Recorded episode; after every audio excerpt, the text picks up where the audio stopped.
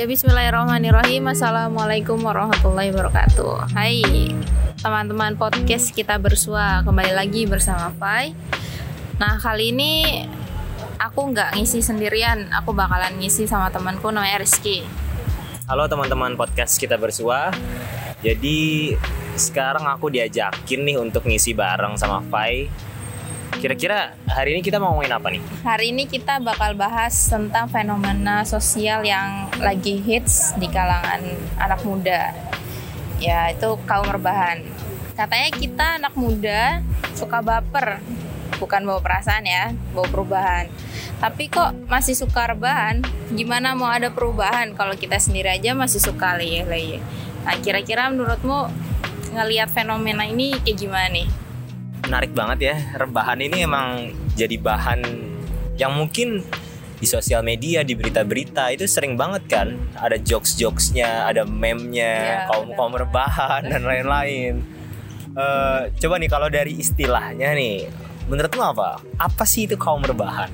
Rebahan itu kan kayak orang tidur rebahan di atas kasur itu kan rebahan. Iya iya. Kayak soalnya orang males banget bergerak, males beranjak dari tempat ya kalau dibilang kasur itu jadi tempat paling nyaman lah.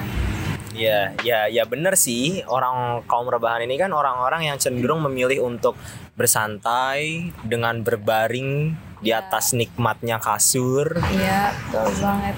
dibanding melakukan kegiatan-kegiatan produktif atau aktivitas lainnya. Nah, tahu nggak sih tapi sebenarnya istilah kaum rebahan ini munculnya dari mana? Kamu tahu nggak? Eh, dari mana tuh? Nah, awalnya ini sebenarnya istilah ini tuh viral di tahun lalu.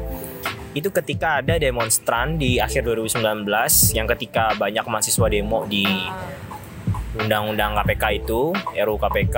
Nah, banyak mahasiswa-mahasiswa ini yang nulis di kertas tuh. Ya. Nulisnya itu sudah kelewatan kalau kaum rebahan turun di jalan. Seakan-akan kaum-kaum rebahan ini turun di jalan itu bersinergis dengan keadaan Indonesia yang lagi semrawutnya sampai rela-relanya kaum rebahan yang hobinya itu rebahan doang itu sekarang mau loh turun ke jalan. Nah gara-gara tulisan itu kan banyak ya sebenarnya nggak cuma itu aja sih banyak hal-hal tulisan-tulisan yang lucu juga pada saat itu kan. Iya. Nah itu salah satu yang viral yang akhirnya masyarakat khususnya mungkin generasi di atas kita mencap atau memberikan kita generasi milenial sebagai generasi kaum rebahan. Nah sayangnya sih ya stereotip yang dikasih ini cenderung ke arah negatif nih. Kira-kira kamu mikirnya gimana? Kaum rebahan itu apa sih kayak negatif atau positif konotasinya? Kalau menurutku sih ya negatif ya karena tadi kan kayak Hmm. males terus jadi ya udah kayak udah jadi nggak produktif. Nah iya bener banget Kayak stereotip mereka terhadap generasi milenial Itu cenderung ke arah negatif dengan melabelkan kita sebagai kaum rebahan Yang mana kemales, ke nggak produktif Melewatkan banyak kesempatan nggak punya target, nggak bisa nyusun target, nggak punya tujuan, serba instan, nggak bisa menghasilkan dan masih banyak lagi hal-hal negatif lainnya yang mereka capkan ke kita. Dan sebenarnya sendiri istilah ini ya mungkin ini hal yang baru, yang viral, tapi cap generasi milenial mal eh, untuk males ya males itu udah dicap ke generasi milenial itu udah dari lama itu udah dari dulu pernah sih tahun 2013 tuh di Times Magazine dicap kalau generasi milenial itu generasi yang sukanya serba instan, narsis, bergantung sama teknologi dan lain-lain. Jadi sebenarnya ya bukan hal-hal baru, cuma pelabelan kaum rebahan ini yang baru nih, baru viral di tahun lalu. Tapi sebenarnya sama aja istilahnya kayak males gitu ya. Iya, sebenarnya ya ke situ sih. Ya, menurutku perbedaan stereotip kayak gini nggak bakal bisa terhindarkan sih. Kenapa? Karena ada risetnya juga nih. Dari Ipsos Mori Social Research, statementnya kayak gini. Generasi muda akan selalu menjadi bahan ejekan dari generasi yang lebih tua. Jadi mau generasi apa pun, generasi yang lebih tua akan menjadikan generasi yang muda bahan ejekan. Kenapa ya? Karena di situ kan banyak perbedaan karakteristik, perbedaan kebiasaan, nilai, pola pikir, pendidikan dan lain-lain. itu Iya ada gap lah ya antara kaum eh, generasi sebelumnya sama generasi generasi sekarang. benar mungkin ada benernya dan mungkin banyak salahnya juga justru ketika generasi kita dicap seperti itu ya kita harusnya terpacu dong Iya. ya kita nggak kayak gitu kok Ah, kita harusnya ya buktiin kalau misalnya kita Kita nggak nggak. sehina itu Di rebahan tuh hina banget ya. ya mungkin ya Kira-kira kenapa sih banyak orang yang ya suka banget rebahan?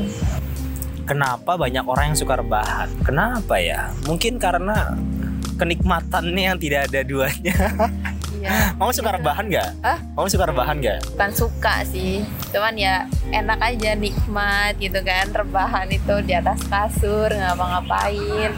Apalagi kalau misalkan habis ya habis kerja berat lah atau dari mana terus pengennya rebahan nggak pengen ngapa-ngapain. Iya Itu ben- enak banget iya sih. bener banget sih. Ya jujur ya siapa sih yang nggak pernah rebahan? Ya, rebahan ini ya suatu hal yang ya ya nikmat banget bener kamu bilang tadi. Apalagi kalau habis kerja kan kayak ya serasa tuh emang kita tuh nggak pingin ngapa-ngapain. Mungkin sambil dengerin musik atau sambil baca sambil buka-buka HP Iya. udah. Atau enggak rebahan sambil ngelamun itu juga banyak. Dan itu mungkin orang orang merasa nikmat dengan hal-hal itu ya. Nah pertanyaannya kenapa? Rebahan sebenarnya nggak salah nih satu nih. Sebenarnya nggak salah. Akan menjadi salah ketika dilakukan secara repetisi secara keterusan dengan durasi waktu yang terlalu lama. Nah ini bisa jadi salah rebahan pada tempatnya boleh kok. Kapan ya? Waktu pada waktu istirahat. Ya kamu boleh rebahan itu. Ya justru harus kamu rebahan. Ya ya. Ya orang butuh istirahat lah ya.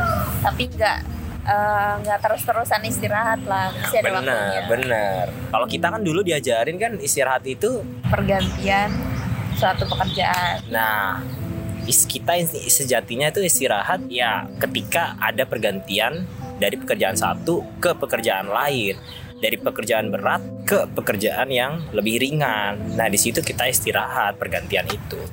Nah mungkin di sini konteksnya kenapa orang-orang rebahan? Nah ini orang-orang yang terlalu ramah rebahan ya. Bukan rebahan yang dalam artian positif ya.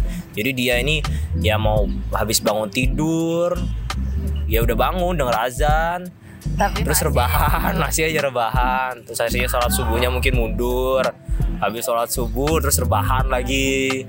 Nah, bangun makan terus rebahan lagi. Nah konteksnya ke kita ke orang-orang itu ya. Kenapa sih mereka kayak gitu? Menurutmu kenapa coba? Menurutku ya karena dia merasa dia lagi nggak ada kerjaan tahu lagi pengen ya udah pengen nggak pengen ngelakuin apa-apa. Padahal sebenarnya dia masih punya banyak kerjaan. Cuman ketika itu mungkin dia lagi pengen aja nggak nggak ngelakuin apa-apa nah. Kayak pengen menghindar gitu loh menghindar dari dari suatu aktivitas. Oh, ini pengalaman ya.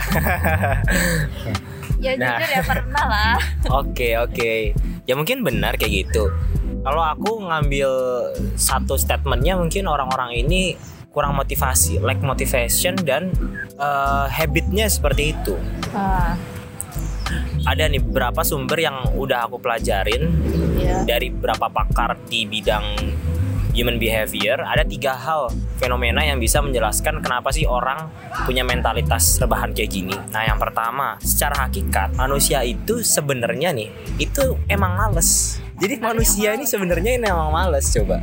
itu kayaknya emang susah banget ya di, di ya walaupun orang-orang bilang Ih, jangan malas jangan malas tapi ya Iya, pada hakikatnya ada. semua orang di dunia ini tuh males. Dalam artian apa? Suka dengan comfort zone. Kita nggak mau untuk ribet, nggak mau untuk ngelakuin proses-proses yang rumit. Ya yang susah gitu lah. Sukanya ya ya udah apa yang menurut kita nyaman dan kita udah enak di situ, nggak mau keluar dari situ. Itu yang disebut artian malesnya tuh kayak gitu.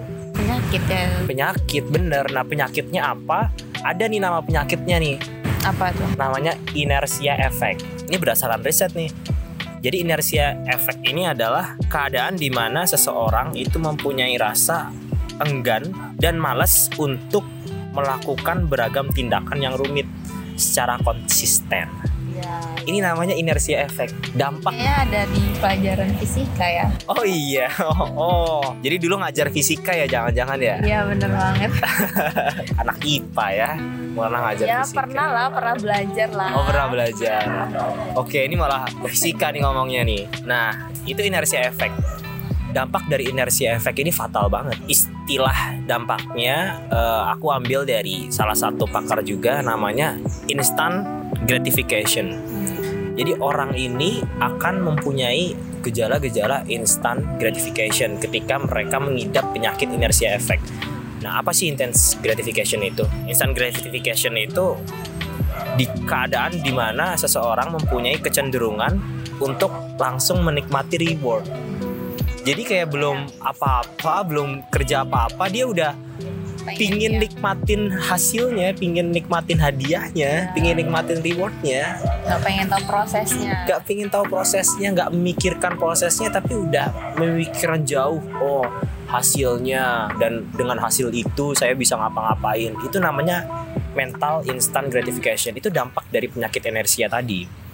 Nah instant gratification ini di satu sisi wah bahaya banget.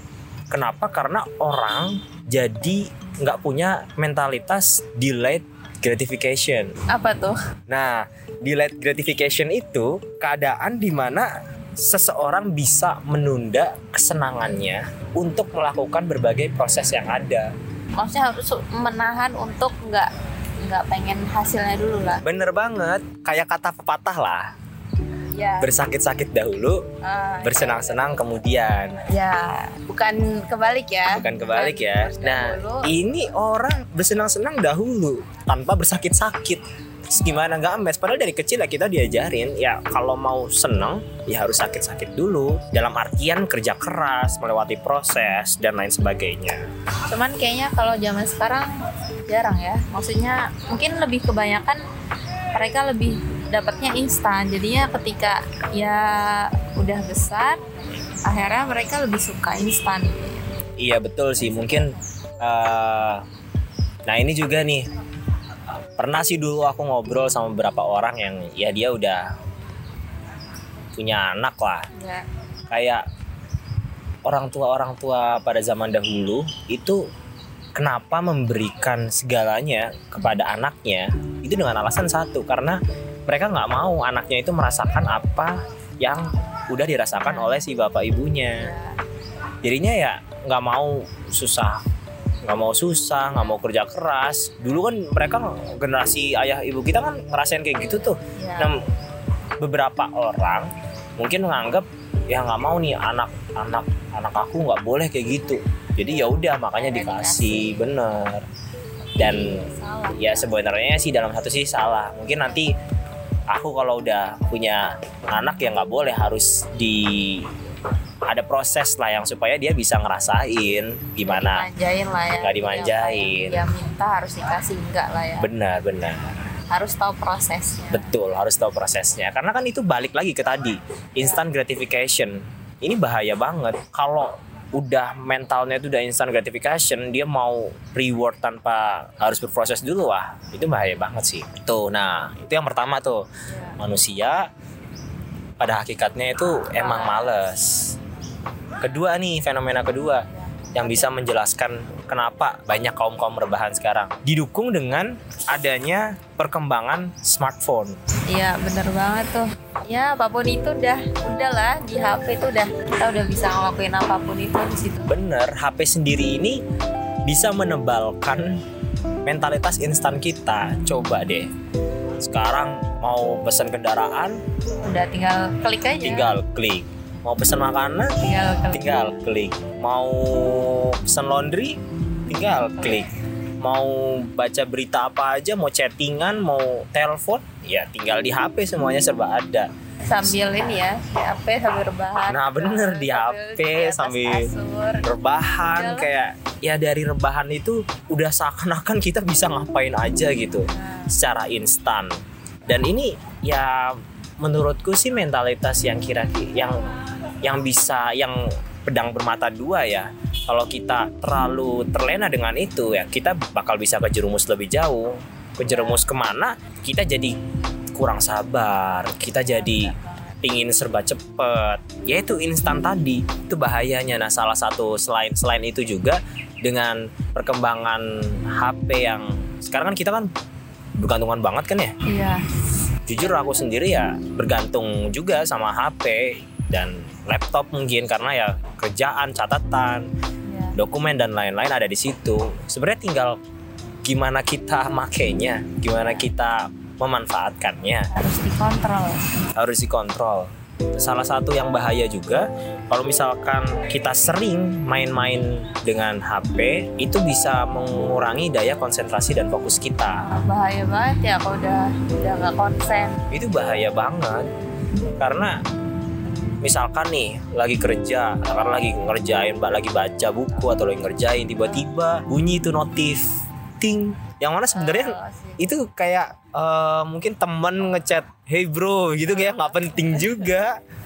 Tapi kita jawab gitu kita respon gitu. Yang sebenarnya bisa kita tunda berapa menit lah selesaiin dulu urusannya. Dan itu kejadian berulang-ulang. Hey bro hey sis ya semuanya lah ya.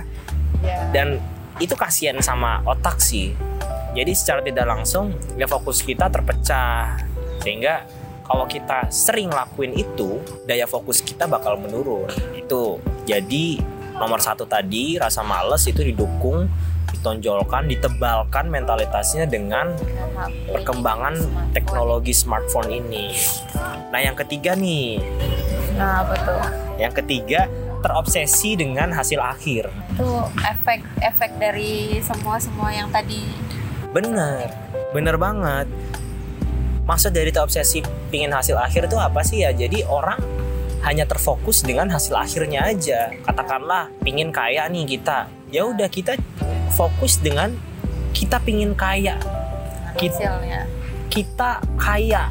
Hasilnya itu kita pas kaya tanpa memerhatikan dan tanpa memfokuskan gimana sih proses menuju kekayaan itu Heeh.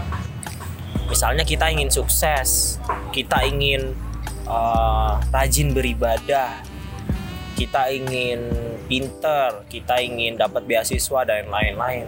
Orang jadi pikirnya ya ke hasil akhirnya ya sebenarnya itu nggak salah itu bagus berarti dia tahu apa yang dia capai yang salah ketika dia mengabaikan prosesnya apa sih yang harus dilakuin soalnya ketika kita nentuin hasil akhir ya di breakdown dong harusnya Ya, cara mengarah ke sananya gimana. ya, harus tahu prosesnya. Bener, kamu tahu nggak kira-kira kenapa sih sekarang orang-orang jadi terobsesi banget nih dengan hasil akhir? Karena terbiasa lihat ya mungkin sekarang ya lihat di media sosial satu hal-hal yang baiknya aja dan kita jarang jarang dimasuki dengan hal-hal yang yang buruknya kayak gitu. Bener, terpengaruh dari ya itu tadi masih berhubungan dengan sosial media. Coba deh di sosial media, di YouTube, mau di Instagram, mau di Facebook, berapa orang menunjukkan kesuksesannya dari beli mobil, dari jalan-jalan ke luar negeri, dari punya ini, punya itu, dari fashion dan lain-lain sehingga itu hal-hal yang eh, orang lihat, yang sering kita lihat, jadi ngebuat kita itu ya pingin kayak gitu. Padahal di orang-orang yang bisa sampai sana itu kan gak mudah kan ya. Iya. Banyak proses yang harus Iya, dilewatin kan. Nah, Ada suka dukanya lah. bener pasti pasti ada suka dukanya. Nggak tiba-tiba ujuk-ujuk, oh ini punya rumah besar nih, oh punya mobil Ferrari nih kan nggak nggak tiba-tiba kayak gitu Iya. juga kan. Nah itu dari internalnya mentalitasnya mau instan, dari eksternalnya kepengaruh dengan orang-orang dengan sosial media. Ini yang akhirnya yang ngebangun kenapa bisa tercipta suatu kaum bernama kaum rebahan. Mungkin tadi konteksnya lebih eh, buruk ya, lebih ke arah yang negatif. Ada nggak yang rebahan itu ke arahnya positif? rebahan ke arahnya positif ya. Oke, pertanyaannya sebenarnya rebahan ini positif atau negatif ya? Tadi kan ya mungkin yang kita bahas tadi lebih cenderung ke arah Negatif. negatif ya. Perlu diketahui rebahan ini bukan aktivitas utama ya. Maksudnya gimana tuh kalau? Yang salah, yang ke arah negatif yang menjadikan rebahan ini menjadi aktivitas utama. Katakanlah ya HP kan nggak selamanya jelek isinya semua ya. Ya. Dengan HP kita juga bisa berbisnis, kita juga bisa baca Quran, kita bisa baca artikel dan lain-lain, belajar online dan lain-lain. Dan ya mungkin saat itu emang lagi pegel buat duduk, ya jadi pingin belajarnya sambil rebahan, which is okay Ya. kayak gitu nggak apa-apa mungkin rebahan yang dalam artian positif itu aktivitas utamanya kan bukan rebahan dia belajar Sambil online rebahan- sambil, sambil rebahan. Tapi perlu diketahui juga nih eh, tubuh itu kan setiap orang mempunyai tubuh yang beda-beda. Ada yang mungkin ketika di-trigger dengan rebahan ada yang tubuh akhirnya mengikuti trigger itu sehingga wah ini badanku berarti lagi mau istirahat nih. Dan akhirnya lama-lama ngantuk. Ya banyak banget sih kayak mungkin pas zaman-zaman kalau aku dulu zaman-zaman skripsi zaman-zaman uas tuh teman-teman ya ada yang pertama kita belajar serius kerjain soal sambil duduk terus mulai lama-lama kakinya selonjor dulu nih selonjor terus nyender ke tembok dulu nih pelan-pelan. Eh lama-lama habis itu rebahan. Bilangnya sih ya sambil belajar sambil belajar. Eh lima menit selanjutnya udah tewas. Udah hilang ya udah gelap. udah hilang. Kalau kamu boleh rebahan kamu boleh melakukan suatu aktivitas sambil rebahan tapi komit. Kalau misalnya kamu nggak bisa komit mending nggak usah. Mending dihindarin. Mending dihindarin ya kalau nggak dihindarin ya jatuhnya ntar kamu jadi masuk golongan kaum kaum rebahan. Terlena ya. terlena. Itu sebenarnya lebih banyak buruknya sih. Lebih banyak buruknya. Kalau menurutku pribadi ya ya bukan berarti semuanya buruk. Yang enggak bukan berarti rebahan itu buruk ya. Tapi rebahan dalam konteks yang tadi yang sukanya tidur tiduran tanpa melakukan apa-apa ya itu jadi buruk. Dampaknya apa? Ya banyak banget kita jadi males-malesan Ya. jadi nggak produktif jadi ya nggak punya penghasilan mungkin otaknya jadi mandek karatan Sebenarnya masih banyak hal yang dilakuin. banyak banget banyak banget hal yang masih bisa kita lakuin di luar rebahan Nah, terus gimana nih caranya biar kita nggak jadi kaum rebahan?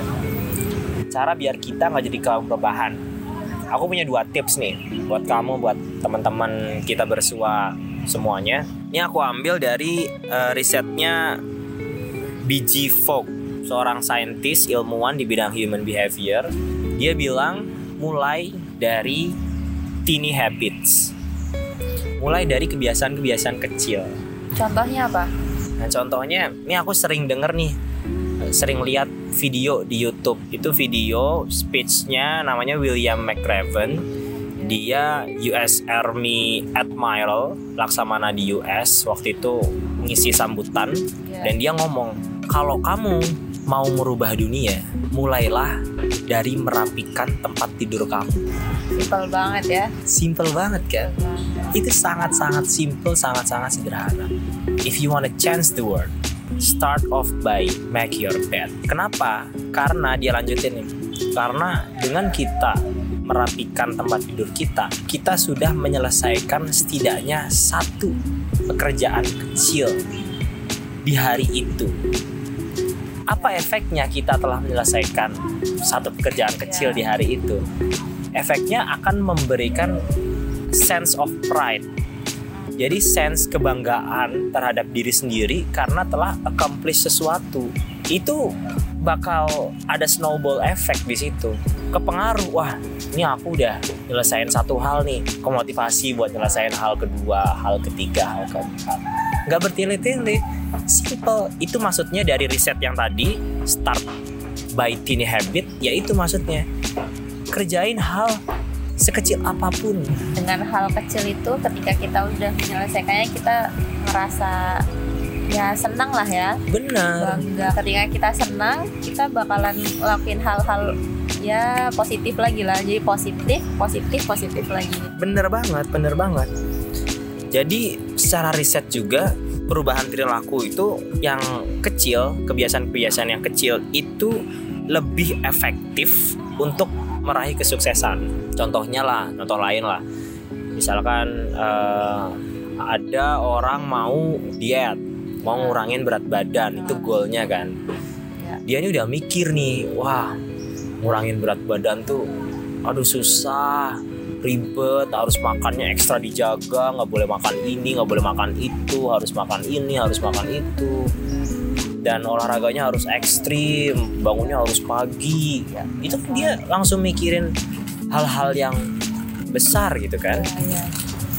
yang biayanya juga katanya sih kalau mau instan ya mahal lah. Ah, ah. apalagi kalau instan kan mahal banget.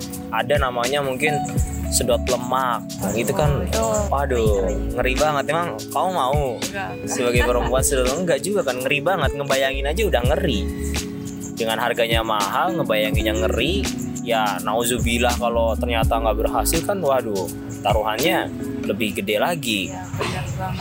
Nah makanya jangan langsung ngebayangin yang besar-besar. Coba Bayangin hal-hal simple Kebiasaan-kebiasaan kecil kayak apa? Setiap hari kalau misalkan kamu emang bener-bener jarang nggak pernah olahraga Olahraga 10 menit aja.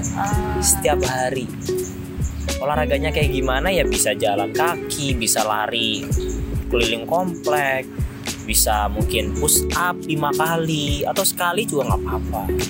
Hal yang kira-kira sesuai dengan batas kemampuan kamu saat Ya. itu. Dan konsisten kamu lakuin itu akan terbentuk sekali. Ah, konsisten ini masalah. Ini bener sih ada konsep namanya 30-90 jadi 30 hari konsisten kita ngelakuin suatu hal untuk membentuk kebiasaan untuk membentuk habit. Dan 90 hari itu kita lakukan habit itu untuk membentuk attitude. Nah dari olahraga-olahraga kecil ini 10 menit setiap hari lama-lama ketika kita udah konsisten itu nggak sadar tiba-tiba oh porsinya ditambah jadi 20 menit jadi 30 menit. Dan ya badan kita udah bisa merespon itu karena itu terjadi karena ya habit kecil yang udah kita lakuin udah kita konsisten lakuin. Itu dari start of start by ini konsisten ini kan akan jadi snowball effect sehingga yang tadinya awalnya startnya dari 10 menit olahraga jadi dua jam. Ya Nah, jadi sampai akhirnya pembiasaan-pembiasaan ini kan kita lakukan awalnya secara sadar dan kita berupaya untuk melakukan hal tersebut. ya Goalnya itu supaya kita melakukan hal tersebut itu tanpa sadar dan, dan tanpa upaya. Jadi kita nggak mau lakuin itu, badan malah merespon untuk melakukan itu. Coba tanya deh, atlet-atlet atau orang yang sering olahraga, ketika dia nggak olahraga sehari aja, itu badannya yang malah merasa gatel karena itu udah menjadi attitude udah jadi udah jadi habit yang kalau malah nggak dilakuin dia malah ya nggak enak nah itu habit yang baik ya habit yang baik. Kalau tadi balik ke rebahan itu nggak baik ya. Itu yang pertama. Apa nih selanjutnya? Yang kedua find your why. Udah nih eh, beririsan lah. Kamu lakuin dari hal-hal kecil. Jangan lupa untuk find your why. Apa sih why-mu? Apa sih alasanmu melakukan sesuatu? Apa motivasi kamu? Motivasi ini penting banget karena motivasi jadi landasan apa pun sebelum kita ngelakuin sesuatu gimana caranya tuh biar tahu apa motivasi kita biar tahu arahnya kita ke mana Nah, ini mungkin masalah yang banyak juga teman-teman rasain ya. Motivasi kan naik turun ya. Gimana sih caranya? kayak imannya naik turun Iya, iman juga ya naik turun kan. Nah, kalau motivasi ini cara ngakalinnya ada dua. Lihat ke atas sama lihat ke bawah. gimana tuh lihat ke atas Lihat ke atas, bayangin keadaan ideal yang pingin kita tuju. Katakanlah kamu pingin sukses, spesifikin lagi, punya rumah besar, punya mobil banyak, punya istri cantik, punya keluarga yang sejahtera, punya bangun ini, bangun itu, dan lain-lain. Itu bayangin hal-hal ideal yang kamu itu berada di sana. Sehingga ketika terbayang hal-hal yang pingin kamu capai, otomatis motivasi kamu akan terbentuk. Iya. Jadi mau nggak mau, wah aku harus nih ngecapai itu tuh. Iya. Nah, itu cara lihat ke atas. Kalau misalkan lihat ke atas nggak bisa, kamu udah nih ngebayangin sampai ngehalu, sampai ngehalu, halu-halu banget. Iya, nggak bisa. dan itu nggak tetap nggak bisa lihat ke bawah lihat ke bawah itu coba pikirkan keadaan di mana menjadi keadaan terburuk di kehidupanmu sekarang. Misalkan kamu jatuh sakit kamu dikejar hutang kamu nggak punya uang keluarga menderita anak nggak bisa sekolah nggak bisa makan nggak punya baju dan lain-lain lah. Jadi gembel di jalanan. Itu kamu bayangin kemungkinan itu ya ada kemungkinannya. Kemungkinan kemungkinan terburuk ya nauzubillah kan terjadi. Tapi coba kamu bayangin dan ketika kamu bayangin pasti kamu nggak mau kan ketimpa dan kejadian itu menjadi real. Iya. secara otomatis itu bisa memacu motivasi kita mengangkat motivasi kita untuk bekerja keras biar ya biar ya biar kejadian biar ke- keadaan-keadaan itu nggak nggak kena di kita. Itu. Jadi itu eh, dua solusi yang mungkin bisa aku sampaikan buat teman-teman sekalian kita tarik kesimpulannya kalau misalkan rebahan itu ya sebenarnya boleh-boleh aja ya tergantung kitanya aja yang penting rebahan itu bukan jadi suatu aktivitas utama ya bolehlah kita ngerjain suatu hal sambil rebahan cuman jangan jangan sampai terlena kita juga harus Betul. bisa kontrol diri tahu kapasitas diri misalkan Ya. tubuh kita nggak bisa merespon rebahan ya udah jangan rebahan ya. kamu sendiri ada pesan-pesan buat kaum kaum rebahan ini nggak Ya, eh, untuk segenap kaum-kaum rebahan, di mana pun kalian berada, dari ujung Sabang sampai Merauke, sadarlah kalian, segeralah bertaubat, akui semua kesalahan kalian, coba buka pintu kamar kalian, tarik udara segar, dan beraktivitas. Mantap sekali. Nah, wahai para pemuda, mari kita baper-baperan. Bukan bawa perasaan, tapi bawa perubahan yang anti rebahan. Mulailah hal-hal kecil yang positif hingga menjadi habit sehingga membentuk motivasi diri untuk memulai diri sendiri dan saat ini juga. Semoga apa yang udah kita bahas kali ini bisa bermanfaat untuk kita semua. Sampai jumpa kembali di episode selanjutnya. Pantangin terus podcast kita bersua setiap Senin dan Kamis malam. Sekian. Wassalamualaikum warahmatullahi wabarakatuh.